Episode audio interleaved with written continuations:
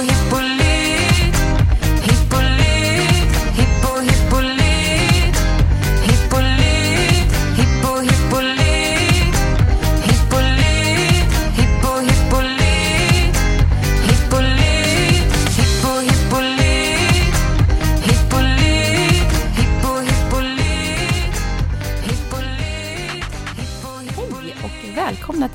avsnitt av Foderpodden! Hej Linn! Hej Jennifer!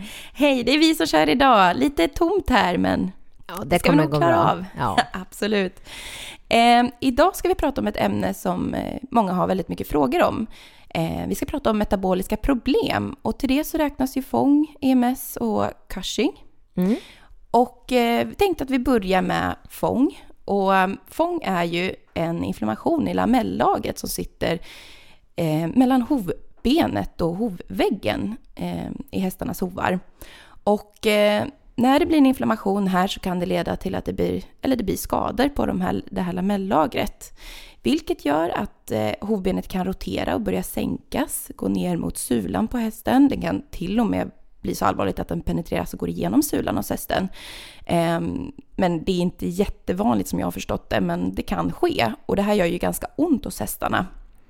Och det finns ju ganska många olika orsaker till att hästarna drabbas av fång. ja, men precis. Och som sagt var, man har ju vetat om det här problemet i många år. Alltså det har ju studerats sedan ja, så långt som tillbaka till 1700-talet och ändå så är det väldigt oklart vad det exakt är som händer. Och det tycker jag är ändå ganska spännande. Att, att man har vetat om det här så himla länge och fortfarande så finns det mycket frågetecken inom det här problemet. Ja, och precis. Det, ju känns som ett någonting väldigt komplext problem. Ja, men verkligen. Och det är ju någonting de forskar i i dagsläget fortfarande. Mm. Men det som man kan säga är att man har ju sett att det uppstår vid, lite olika tillfällen. Och till exempel en, en, klassiskt tillfälle då fång kan uppstå, det är ju just när hästarna går ut på för kraftigt bete, till exempel i början av sommaren eller tidigt på våren. Eh, det kan också ske nu på hösten. Eh, det kan också vara så att hästarna har fått i sig för mycket kraftfoder. Det har jag faktiskt varit med om att en kund ringde till mig och eh, hennes häst hade kommit in ofrivilligt, alltså hästen hade brutit sig in i en foderbox och ätit stora mängder spannmål och eh, på det sättet fått eh, fång som följd av det. Så det är ju någonting som kan, alltså det var ju utanför hennes vetskap, men det var konsekvenserna av det hela helt enkelt. Eh, det kan eh, också stå, uppstå till exempel om hästen har haft en livmoderinflammation eller eh, till exempel en kvarbliven efterbörd. När Visst man har hade du någon hästägare som det hade också. det problemet? Ja, det med. det också. Eh, det var ett eh, fölsto som hade efterbörden kvar och eh, det var...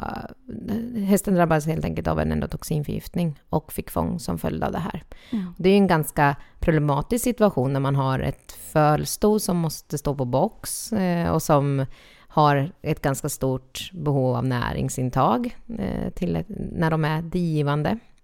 Och ändå har det här problemet att man inte får fodra på dem. Vi kommer att prata lite om vad vi ska göra med de här hästarna. Men eh, det har jag också varit med om. Eh, det kan ju också vara läkemedelsbetingat, till exempel om hästen äter kortison. Och underliggande sjukdomar som vi kommer prata om i det här avsnittet, till exempel EMS och Cushing. Då.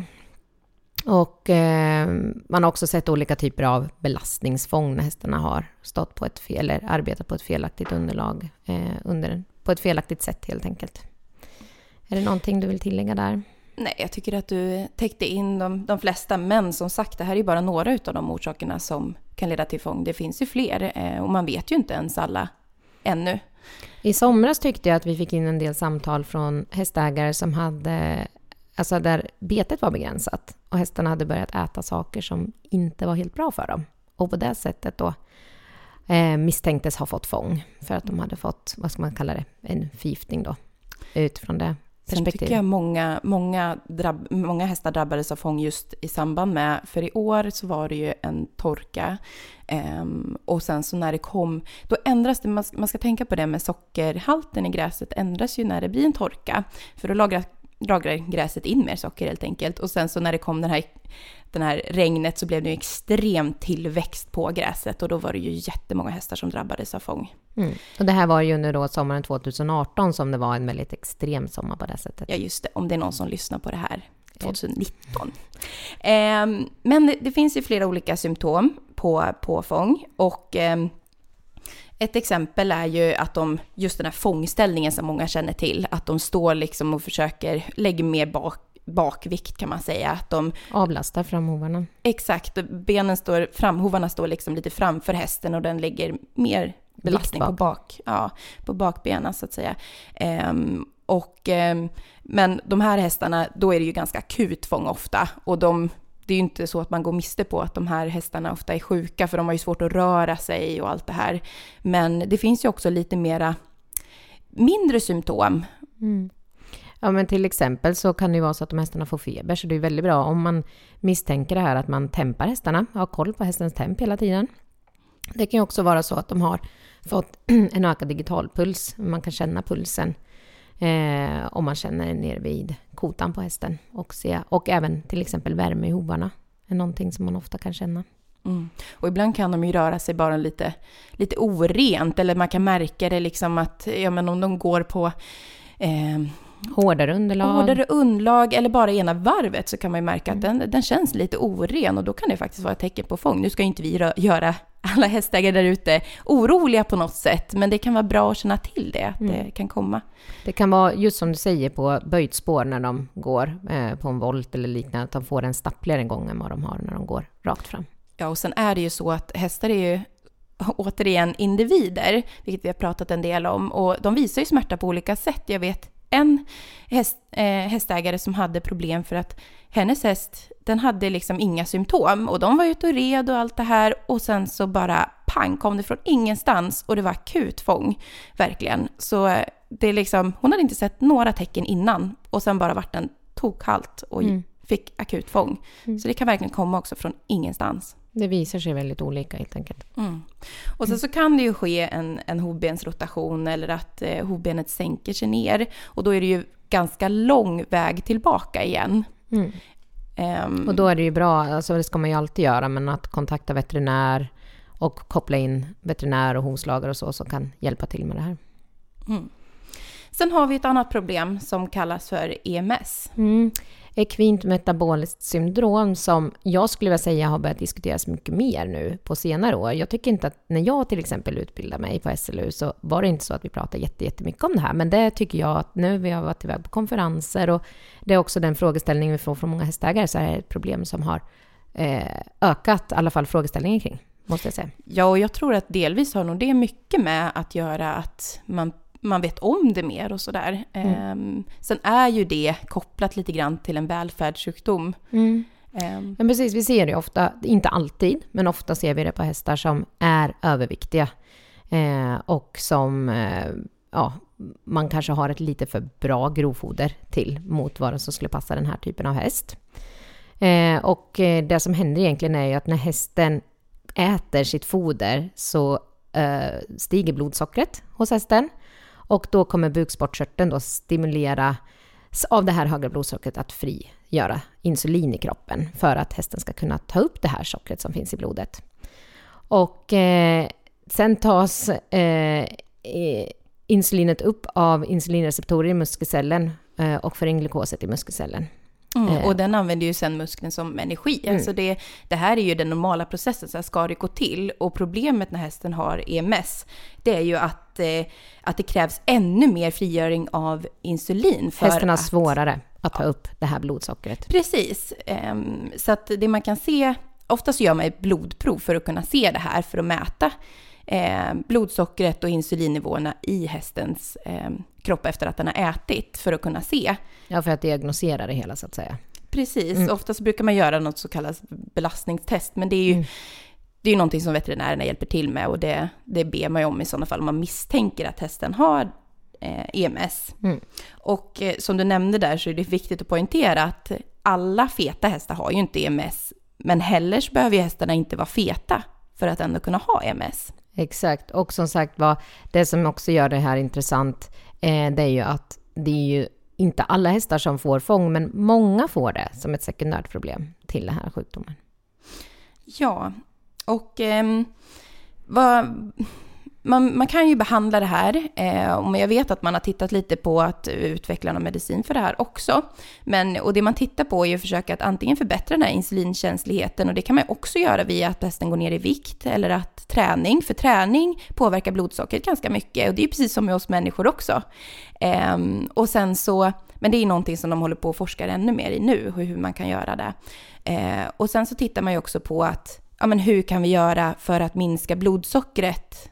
Eh, och då tittar man ju framför allt via utfodringen, för det är ju det som påverkar. Mm. Och då tänker jag att det kommer vi ju komma in på ännu mer här i våran foderpodd nu i lite senare i avsnittet, hur man fodrar de här typerna av hästar. Ja, precis, för det är ju så att fånghästar, EMS-hästar och eh, ett annat problem som vi kommer komma in på nu, Cushinghästar, de ska ju fodras på samma sätt. Mm. Så det är därför vi avslutar med att sammanställa hur, Mm. hur de här ska fodras. Mm. Men Cushing då, Linn? Ja, Ska vi gå in på det? Eh, det har ju eh, länge kallats Cushing syndrom och eh, idag så brukar vi mer prata om PPID som är då samma sak men ett annat namn. Och det här är också en hormonell sjukdom som hästar kan drabbas av. Och det beror framförallt då av en godartad tumör i hypofysen, oftast förekommande. Eh, och eh, det gör att de här hästarna får en överproduktion av eh, sitt eh, hormon eh, kortison i kroppen. Eller kortisol ska jag säga. Precis. Ehm, och ehm, symptomen på, på Cushing, eller PPID då, eh, det är att de här får ofta upprepande eh, fång. De får eh, problem med, med pälsen. Många blir ju väldigt långa och lockiga. Många känner igen det på det sättet. Eh, och många uppdagar problemet just genom att ja, men den har fått fång flera gånger. Den är väldigt lång och lockig i pälsen. Ja, och många kan ha svårt att just fälla av sin päls, att det eh, hänger kvar längre ja, men päls. precis. Över sommaren, liksom, Mm. att de är väldigt lång päls över sommaren. Eh, men sen kan de pro- få problem med muskel, eh, muskler, att är liksom, musklerna förtvinar, eh, hästen kan bli bukig. Mm. Eh, man har också sett att de kan svettas väldigt mycket, eh, eller att de kissar väldigt mycket. Det är några, några exempel att de dricker mer och därigenom urinerar mer också. Sen är det många som, som märker av aptiten, eh, också att den blir förändrad. Och, eh, alltså jag brukar ofta ha de jag träffar som, som har hästar med de här problemen brukar ofta nämna att ja, men jag känner inte igen min häst, den är helt, helt förändrad. Mm. Eh, Ja, för det är inte alltid de här eh, symptomen är så väldigt tydliga, utan många gånger kan det vara att de just eh, nästan upplever att hästen har blivit lite deprimerad. Att de... Ja, det var ett väldigt bra ord där Linn. Mm. Ja. Att de är inte sig själva, men sen när man har behandlat de här hästarna så, så känner de igen sina hästar igen. Och man kanske också ska poängtera att de flesta hästarna är ju äldre än 15 år. Att det, så att om det till exempel dyker upp några av de här lite diffusa symptomen på sin lite äldre häst så kan det faktiskt vara bra att även här försöka diagnosera det, vilket man då får hjälp med av veterinären. Mm. Och då måste man ju, det man, ofta medicinerar man ju för Cushing och det är ju för att stabilisera de här, den här hormonförändringen som, som sker. Och sen så, eh, för att kunna diagnosera eh, Cushing så är det ju att man tar ett blodprov och mäter de här hormon, hormonnivåerna i, i blodet hos hästen. Och där är det också lite säsongsvariationer. Så det är viktigt att tänka på. Ofta brukar man rekommendera att man ska ta testet eh, kanske på olika perioder, att man tar det flera gånger innan man diagnostiserar det. Att man tar det kanske på, på hösten och sen en gång på våren och Och jämför framför det. allt om det är lite, vad ska man säga, tveksamma fall. Eh, där man inte riktigt ser tydligt om det skulle ligga ett problem bakom eller inte. Mm. Mm. Ja, men det är bra. Vi har alltså tre olika typer av problem och de här tre olika typerna av problem kan man säga ska man fodra hästen på liknande sätt. Ja, och det viktigaste där är att man ska försöka hålla socker och stärkelsenivåerna låga till de här hästarna, alla tre hästarna. Mm. Alltså den med fång, EMS och Cushing.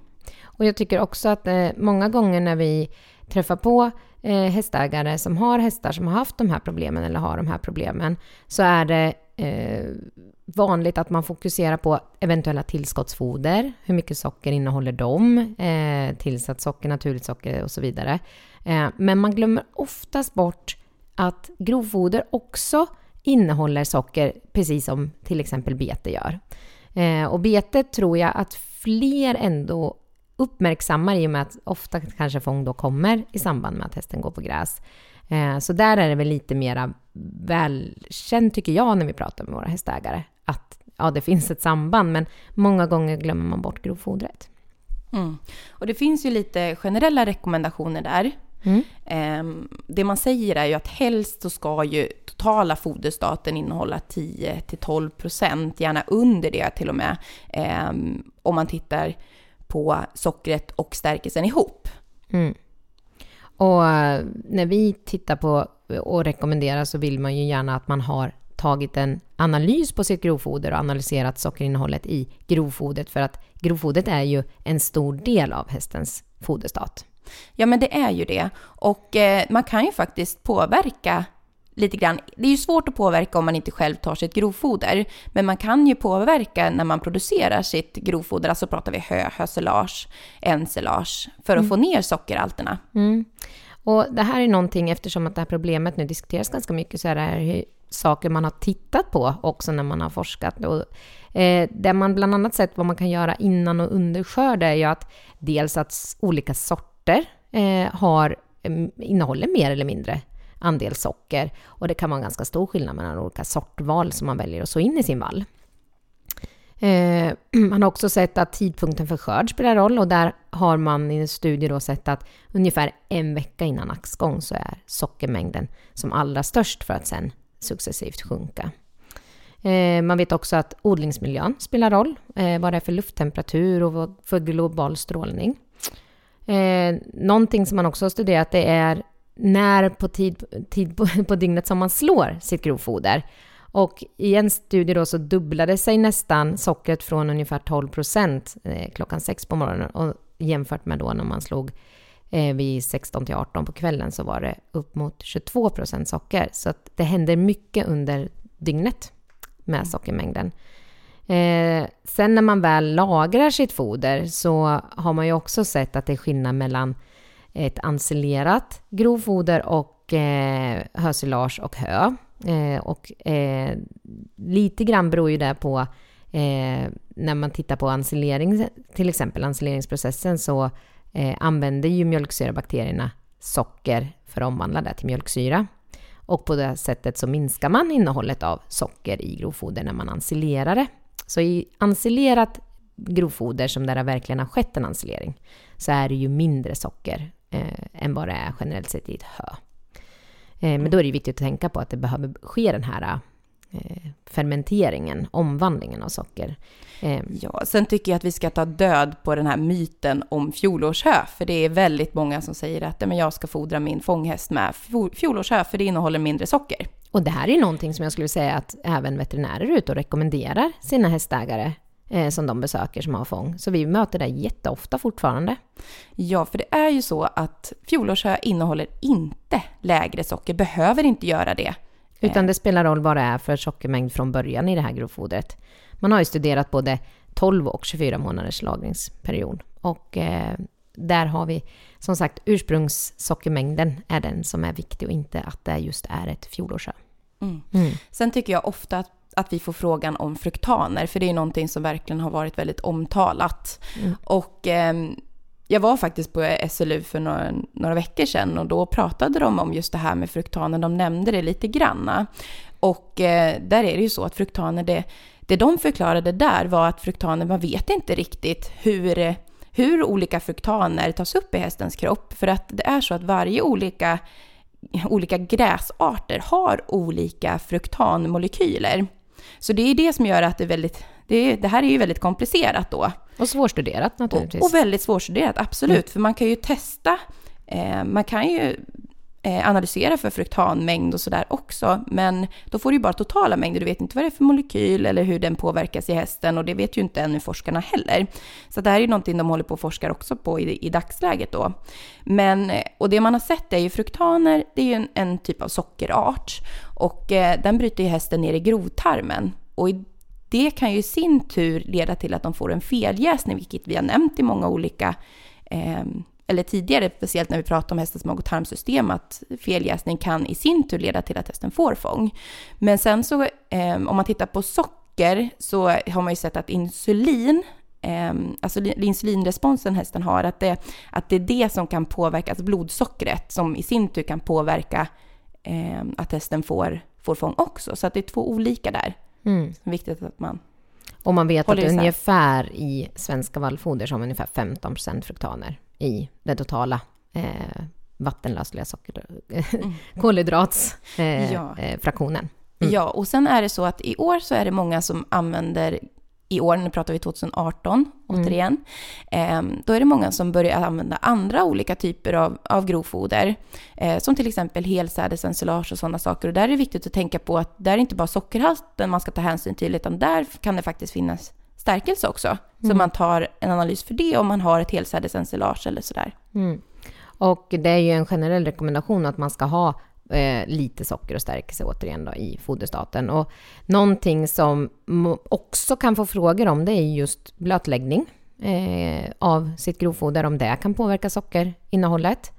Och eh, där är en ganska, vad ska man säga, osäkert råd att ge eftersom att det är ganska stora skillnader i hur mycket man kan påverka sockermängden genom blötläggning. Ja, där har man ju sett att det kan skilja från att det minskar upp till 50% till att det inte minskar någonting alls när man blötläckte. Och då man ändå blötläckte väldigt länge, minst under 12 timmar. Så att, jag vet inte, ehm, Man ska det är ganska kunna- osäker. Ja, och jag tycker, ska vi sammanfatta lite grann hur man ska fodra de här hästarna så är det ju dels ta en analys på grovfodret så att vi vet vad grovfodret innehåller för mängd av socker och gärna om man har möjlighet att välja en analys är ju att välja en analys som innehåller en lagom stor mängd socker, alltså lägre mängd, 10-12% socker och eh, också ett balanserat innehåll av energi och protein så att vi lätt kan få en, en balanserad foderstat till de här hästarna.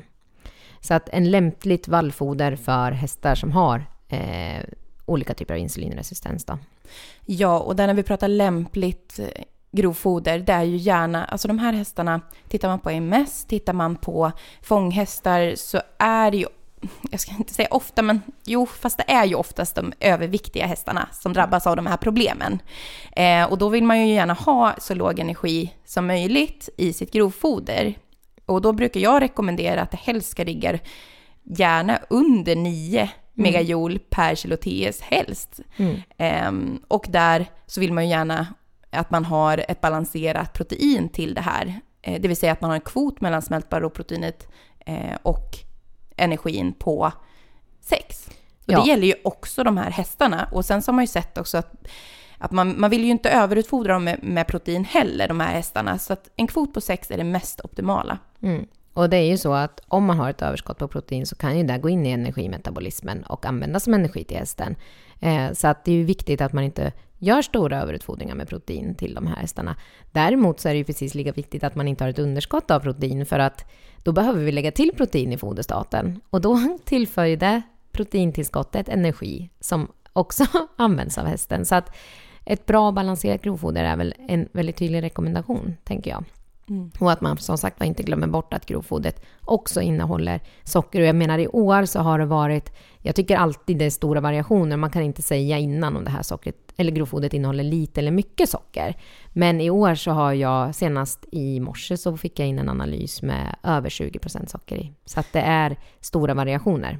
Ja, och speciellt i år så har vi sett att många har ju väldigt hög sockerhalt. Så att det är svårt att komma ner i de här rekommendationerna i år 2018. Men det är det som är rekommenderat i alla fall. Mm. Är det någonting som vi har inte pratat så mycket om så kanske det är just bete, tänker jag. Vi nämnde det lite grann i början, men att hästar som har de här typerna av problem generellt sett inte ska beta Nej, och äta gräs. så är det ju. Och eh, precis som du nämnde Linn så är det väldigt, vi får ofta fråga med när, om jag kan släppa det en viss tid på dygnet och allt sånt där i, på gräset istället. Och, alltså det här, sockerhalten skiljer sig extremt mycket. Från timme till timme kan det skilja sig. Beroende på, det är som att det, är liksom, det beror på vind, alltså väder och vind skulle jag säga. Sorter. Och ja, grässorter och allt det här så att det är jättesvårt för oss att kunna säga att det är, ja men det är okej att släppa den timmen eller det är okej att göra så för att eh, det kan Ja. vi inte veta. Och hur mycket gräs kan min häst äta utan att den blir drabbad? Och det är ju så att en häst som någon gång har haft tvång har ju väldigt lätt för att få det igen. Och hästar som har PPID eller EMS har också lättare för att få fångst, så de hästarna bör vi ju betrakta som en fångest och fodra som en fångest. Eh, så att även om vi får bilder skickade på oss hur olika beten och gräs kan se ut, vilket händer, så är det ingenting som vi kan ge rekommendationer om, utan det, man får betrakta det som att de inte ska gå på ett bete helt enkelt. Mm. Och en lösning är ju att man har betesreducerare till de här hästarna. Problemet där är ju att om man bara har betesreducerande en viss period på dygnet, är ju att man har sett i studier faktiskt att hästarna är väldigt duktiga på att äta ikapp den tiden som de har gått miste. De kompenserar snabbt. De gör ju det, så att det är kanske inte bästa alternativet i sådana fall om man har en häst som, som äter ikapp helt enkelt. Men utan att då får man ta in den på box och att de får vara utan eh, betesreducerande då ett par timmar. Eh, men jag tycker att vi har fått med ganska mycket, men har man frågor kring det här, Då hör man av sig till oss. då hör man av sig. Antingen så kan man ringa till oss på 0413 486 100 eller eh, mejla oss på info och vi hjälper ju jättegärna till att kolla på analyser, se vad har ni för sockerinnehåll, vad kan vi göra med, den, med det här grovfodret och eh, allmänna foderstatsberäkningar och få, eh, frågor kring metaboliska problem. Ja, men tack så jättemycket för idag. Tack så mycket, hej då! Ha det bra. Hej då. Hej!